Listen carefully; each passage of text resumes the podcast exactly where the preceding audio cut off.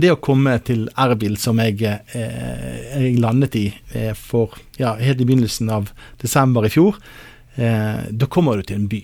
Du kommer til en flott flyplass. Det er uvanlig mye sikkerhet eh, rundt flyplassen, og det er barrikader, det er våpen, det er soldater, det er mistenksomme øyne. Eh, så du opplever at du kommer inn i et samfunn som har en annen måte, eh, spenning enn det vi er vant til. Eh, samtidig så møter vi mennesker som lever sine hverdagsliv.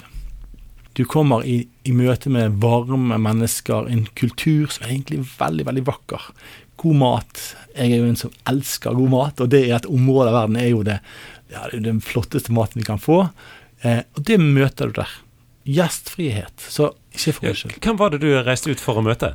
Ja, altså dette var jo en eh, I utgangspunktet så reiste jeg sammen med eh, en, et team, kollegaer først og fremst fra et annet land, som reiste for å være både, både for å lære, men også for å være med og oppmuntre kristne.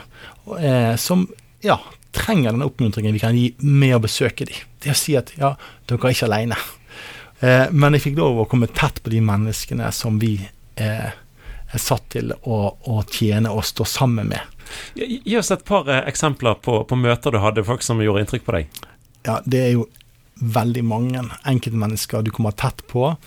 Eh, ja, sånn generelt så det å få lov å komme og møte barn, f.eks., så er barn barn. Eh, og det er barn som eh, gleder seg, og som leker, og som er sånne barn som vi kjenner de. Det er jo gjerne en litt annen tenkning i disse prosjektene, gjerne et traumearbeid som ligger som en basis i mange av disse prosjektene for å hjelpe barn å komme over de vanskelige tingene sine, men møtet med barn er jo alltid fantastisk.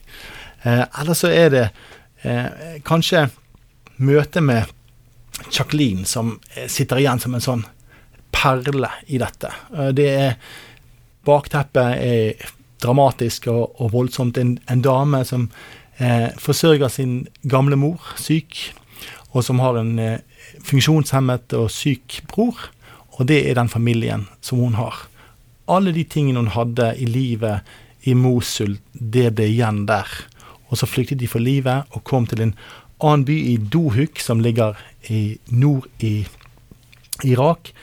Eh, og så er dette en av de vi har fått lov å være med og hjelpe inn igjen i et liv, og der nøkkelen er å få seg en arbeidsplass, en inntekt for å bygge nytt liv. Og det er et type arbeid som jeg vet at Åpne dører er engasjert i. Vi skal komme litt eh, tilbake igjen til det. Eh, men du, nevnte en annen eh, kar for meg her tidligere òg. En 30-åring som dere satt i barberstol i lag og hadde en, en, prat. Hvem var det? Ja, det var fader Daniel. Og, og, han er prest i en lokal kirke i Erbil.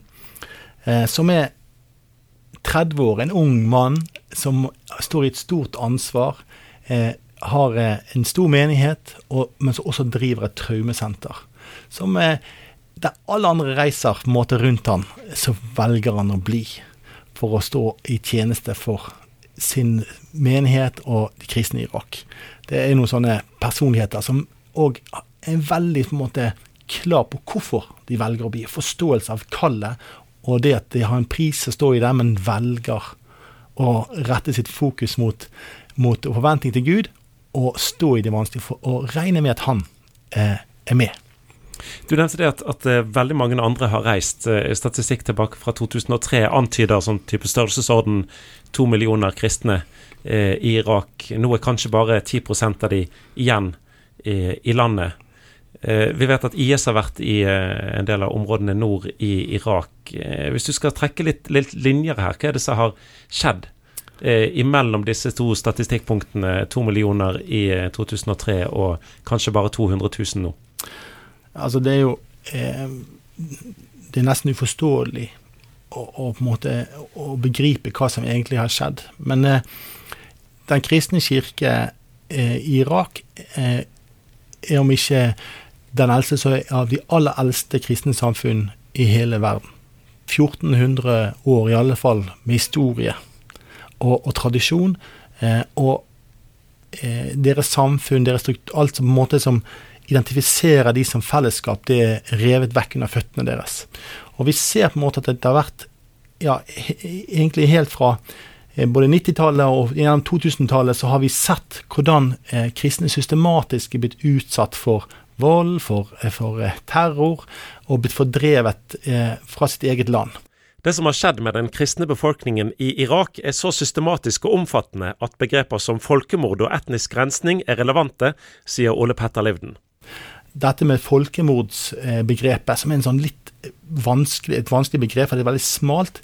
I denne sammenheng så brukes det mer og mer, og snakker om at dette har vært et folkemord. Eh, og det er jo en eh, ledere i kirken i Irak snakker om at dette, det vi opplever, det er etnisk rensning. De opplever at de er fordrevet fra sitt land. og Eh, det å vende tilbake til det som nå er frigitt, det er ikke bare enkelt fordi at det de hadde av hjem, det de hadde av kirker og samfunn, det er så ødelagt at det å gå eh, Ja, det må reetablere samfunn fra bunnen av, og hele strukturene forandres. Også fordi at det er så få tilbake.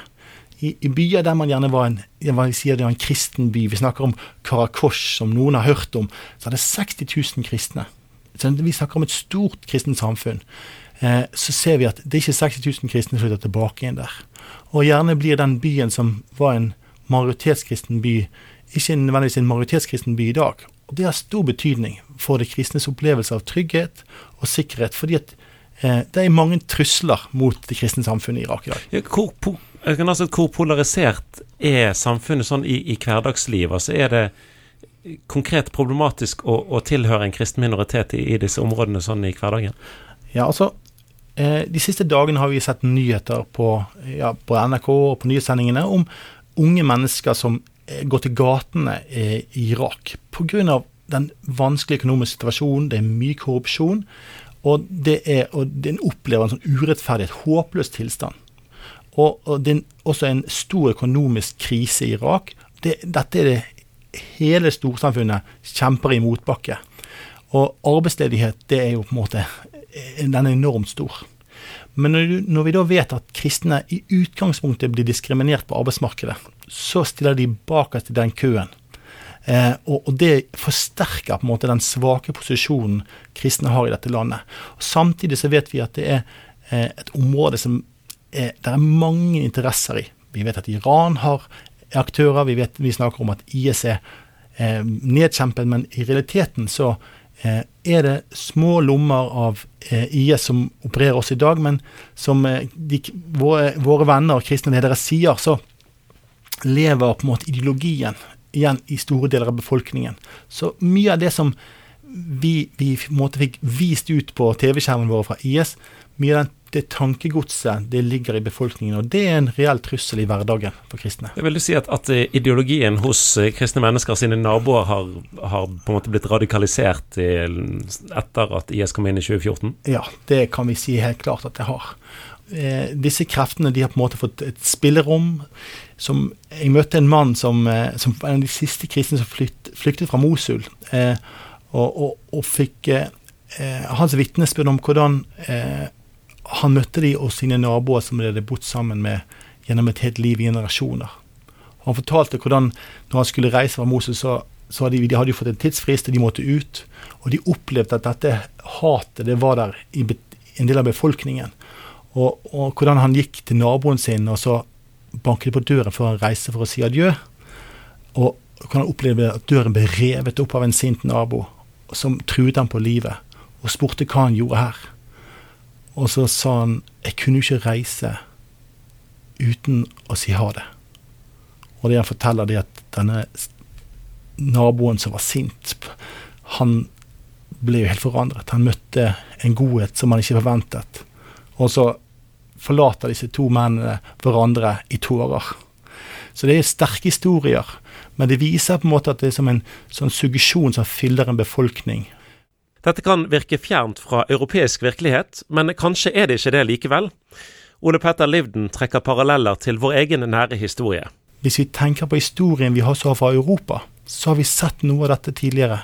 Eh, rundt annen verdenskrig og fordrivelsen av jødene og alle de tingene som skjedde i Europa. Dette har vi sett i historien, eh, og historien den gjentar seg. Det gjør den. I perioden etter at IS ble nedkjempet i Nord-Irak, har Åpne dører bl.a. gitt støtte til gjenoppbygging av lokalsamfunn. Mange internt fordrevne hadde nemlig lite å komme hjem til da de skulle ut av flyktningleirer. det som vi kanskje vi tenker på kristne i leirer, men i dag bor det ingen kristne i leirer i Irak. De bor i midlertidig hus, i leiligheter, har, man har funnet løsninger. Det er jo veldig mange som har reist ut av landet. Men de lengter tilbake igjen til sine byer. Og det er helt nødvendig om de kristne skal forbli i landet, at byene blir bygd opp. Og det som skjedde når IS eh, fordrev de kristne, det var at i byer som f.eks. Karakosh, som mange har hørt om, eller Karamles, Bartella, dette er byer som ligger litt øst, sørøst for Mosul, som vi gjerne kjenner best. Så eh, når disse områdene ble frigitt, så var det sånn at husene, mange hus var jo totalt nedrevet, altså ødelagt. Eh, en av de tingene man har sett, er at i tilbaketrekningen så var, ble hus tent på, og veldig mange av disse husene har vært utsatt for så ekstrem varme at de er egentlig helt ubrukelige. De må rives ned. Selv om de står, så det, kan ingen bo i de. Eh, men i de husene som er sånn relativt OK, så er det vanlig at det er ingen elektriske ledninger igjen, det er ikke vannrør. Alt som på en måte kan omsettes eller brukes, det er ribbet fra husene. Og så det andre hus igjen som selvfølgelig har mindre skader, gjerne eh, bare dører og vinduer som mangler. Så, så det, det, er et system for å klassifisere disse husene. Og det vi eh, gjør gjennom våre partnere, er at vi støtter gjenoppbygging. Så eh, til nå så har vi vært med å bygge opp igjen over 1500 eh, hus. Og, men det er et enormt behov for det, fordi det er på en måte veien tilbake til en hverdag. En annen ting som Åpne dører er, er, opptatt av, eh, og som jeg nevnte tidligere, det er jo dette her med å skape et, et næringsgrunnlag, at folk har noe å leve av. Hvorfor er det et sentralt poeng for en eh, jeg vet ikke om det blir riktig å kalle dere misjonsorganisasjon, men det er jo en, en, tydelig kristen organisasjon. Vi er jo en misjonsorganisasjon.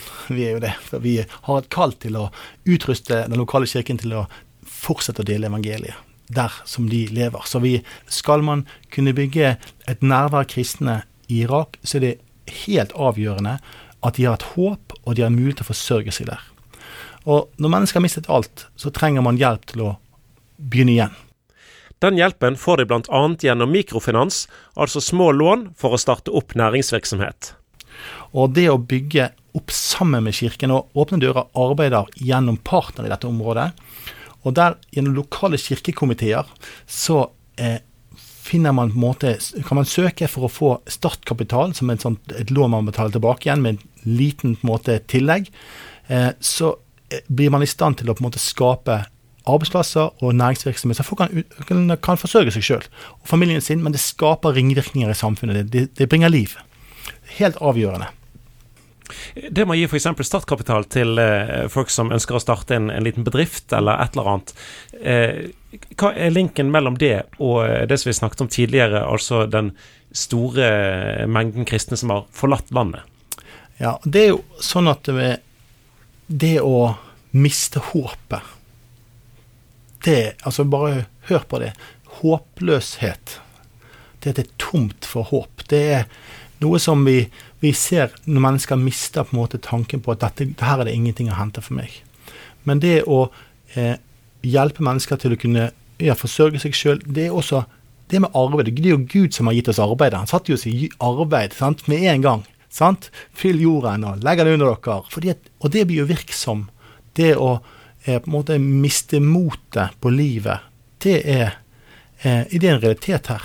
Men arbeid, spesielt for menn, så er det utrolig viktig.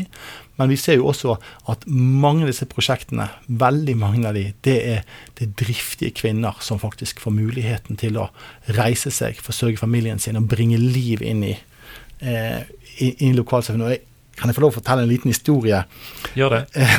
Jeg sa jo jeg var jo glad i mat, men i en liten landsby som heter Telskuf, som ligger bare noen mil nord for Mosul, fikk jeg lov å møte en sånn lite sånn kakebakeri som noen kvinner hadde fått støtte til å gjøre det. De eh, lagde ikke bare kaker, men de lagde eh, forskjellige retter som ble solgt i på markedet omkring, men også noen nydelige kaker som de er så utrolig flinke til å lage dette området. Og der du ser på en måte at denne arbeidsplassen, det blir ikke bare en arbeidsplass og en kilde inntekt, men det ble virkelig en en sånn kilde til, eh, til, å bygge samfunn. Dette var et treffsted der mennesker møtte hverandre eh, i, i, et hverdagsliv, der det skapes gode relasjoner, der det blir eh, Ja, der det er så mye mer. Det er en sånn merverdi som kommer ut av det. Så det er Nå har jo jeg bilder i hodet, og, og jeg kjenner jeg smiler, og det ser du, Gunn Inge. Men. Ja, eh, fordi at det, du ser håpet. Det er helt tydelig. Du kan se det i menneskers liv. Du ser øyne som, som, som skinner, og som er begeistret, som viser 'se hva vi får til'. Og det er jo det håpet vi vil at skal være med å styrke den, det håpet på at det kan bygges en fremtid. For er det én ting som er klart for kristne i Irak, det er at de er satt til å være lys og salt for sin nasjon. Og det vil vi være med å bygge opp under. Vi prater altså med Ole Petter Livden, som er områdeleder i Hordaland for den internasjonale organisasjonen Åpne dører. I november og desember i fjor besøkte han Nord-Irak, et område som står i fare for å bli tømt for den kristne befolkningen som tradisjonelt har hørt til i disse områdene. Et mottiltak er støtte og kursing for kirkeledere i regionen. Det er jo sånn at situasjonen er alvorlig.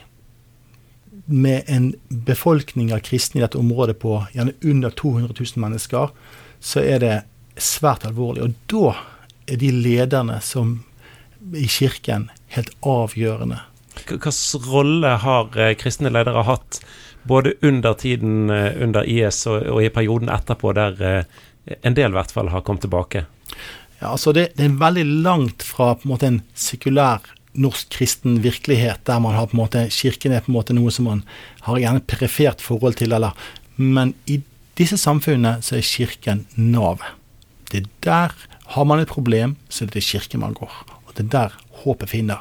Og de man kommer til, jo, hvem er det? Jo, det er presten. Eller noen på et kloster. Det er disse menneskene, håpet settes til at de kan hjelpe deg. Og derfor er det helt avgjørende at de hjelper de å stå. De er nøkler for å bringe inn håp. Og, og det også å gi dem kompetanse. Gi dem kompetanse innenfor traumearbeid, som er en veldig veldig viktig del. Én ting er å bygge opp hus, men liv skal også bygges opp igjen. Og familier som er revet fra hverandre, mange problemer, så er det på en måte disse prestene og disse eh, som står i tjeneste, som er de nøkkelpersonene. Men De må jo ha hatt en enormt krevende situasjon underveis òg. Du nevnte meg en historie om en prest som plutselig hadde 200 folk utenfor kirken som trengte et sted å sove. Ja, altså Det er jo eh, fascinerende å måte prøve å se det for deg. Men eh, dette var oppe i, i, i en by som heter Saho, som ligger på grensen mot Tyrkia og nesten inn mot Syria som opplevde at etter gudstjenesten og så de kom ut, så kom det 200 familier. Og da kan du Seks-syv i hver familie, så kan du se det for deg. Eh, som kom gående mot kirken i flokk. Eh, og hadde absolutt ingen Alt de hadde, var tatt fra dem av IS. De var på flukt. Og, og da han forteller eh, hvordan han snudde seg til menigheten, og så sa han nå må dere bære ut alle kirkebenkene fra kirken, for disse må ha et sted å bo. Så flyttet alle disse menneskene inn i kirken. Og, og det er jo fascinerende, for dette er jo eh, Denne presten har fortalt på en måte Når jeg spurte han ja, hva gjorde du da, så sa han ja, jeg gikk bort her på plassen her borte, og så tenkte jeg meg om, så ba jeg, og så røykte jeg masse. Så. og så, men så ser vi på en måte hvordan denne presten mobiliserte menigheten sin. For, for, den mobiliseringen som vi har sett, ja, det var kristne som reiste seg. De tok det de hadde hjemme, og så ga de det. Og så så, for det var akutt. Det var barn, spedbarn, det var mennesker som, som, fødte barn på denne veien. Det, det, var dramatisk. Og det er dramatisk for mange enda, fordi at livet er så vanskelig. Situasjonen og omstendighetene har òg tvunget fram et nytt forhold til troen for en del av de kristne i Nord-Irak, sier Ole Petter Livden. I denne prosessen så begynte mennesker å søke Gud på en ny måte. Det ble en, det ble en vekkelse. Det er på en måte Når alle ting raser, når det du eh, mange av disse som flyktet fra Mosul, de hadde med seg gull. Sant? Det er ikke et helt vanlig banksystem i dette landet, så folk har på en måte cash på, på lommen. Også gull var en sånn ting man tok med seg. Men de opplevde at når de kom utenfor byen, så ble de stoppet, og så ble alt tatt fra dem. Eh, og da var det ingenting igjen. Det var ikke den fremtiden du hadde i lommen, som du hadde spart gjerne gjennom et helt liv. Den ble tatt fra deg. Og det vi ser hvordan kristne på en måte får en indre vekkelse og sier at det er bare Gud. Det er bare Jesus som kan hjelpe meg. Og vi ser på en måte hvordan etterspørselen etter bibler har økt dramatisk. Hvordan mennesker søker Gud. og eh, I dette området så er det veldig mange historiske kirkesamfunn og, eh, som gjerne har en veldig annen spiritualitet enn det vi er vant til. Eh, det er ikke som å komme på et bedehus i Norge. Men så kjenner en på en måte den ånd som er der. Møter mennesker som har en overgivelse til Jesus i sine liv. Og det er han som er deres håp. Eh, og det er ja, det er sterkt å oppleve og kjenne at dette er min familie. Og det er vår familie. Hva slags bønneemner tok du med deg hjem igjen eh, etter turen eh, i Nord-Irak? Det var jo selvfølgelig mange enkeltmennesker som ble sittende fast. Og det, og det er mennesker som jeg ber for jevnlig. Og jeg har en venn som heter Aram, som er prest i en liten landsby, som jeg på en måte som aldri slipper meg. Eh, han var en som eh, virkelig berørte hjertet mitt. En bror, litt yngre enn meg, eh, men, men eh, et sånt forbilde i tjenesten. Mm, og jeg ser at han har Det er et offer å stå i tjenesten, eh, og kjenner at han Aram er en prest. Hvis noen som lytter på har lyst til å være med og be for noen som står i en sånn tjeneste med traumearbeid, Aram er en sånn mann, en sånn helt, som, helt, som nesten ingen vet om, men som bringer håp inn i familiers liv, inn i barns liv, inn i kvinners liv. Eh, det også er det nok også Jeg møtte en del nonner som jobber med traumearbeid. Og mange av de er veldig høyt utdannet. Gjennom mastergrader fra USA innenfor psykologi. Men de, de er så overgitt i utgangspunktet til sin tjeneste. Og mange av disse fellesskapene, der var det i, mange som bare døde av utmattelse. Voksne kvinner. Fordi de tjente seg i hjel, rett og slett.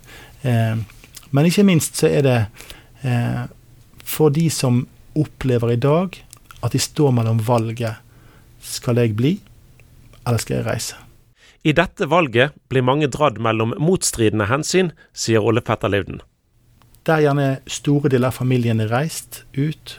Man er i kontakt på sosiale medier nesten daglig. Man snakker på Skype. Eh, og en ser på en måte hvor lett livet er, kanskje i Canada eller New Zealand, som mange har reist til. Og så står jeg her hjemme.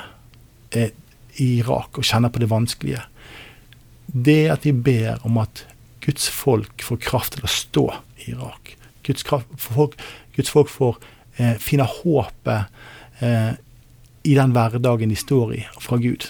Det er virkelig et, et rop som vi på en måte vi trenger å rikte. For dette er en Ja, en, en leder sa det, eh, at eh, kanskje er den kristne kirke Irak kom til veis ende.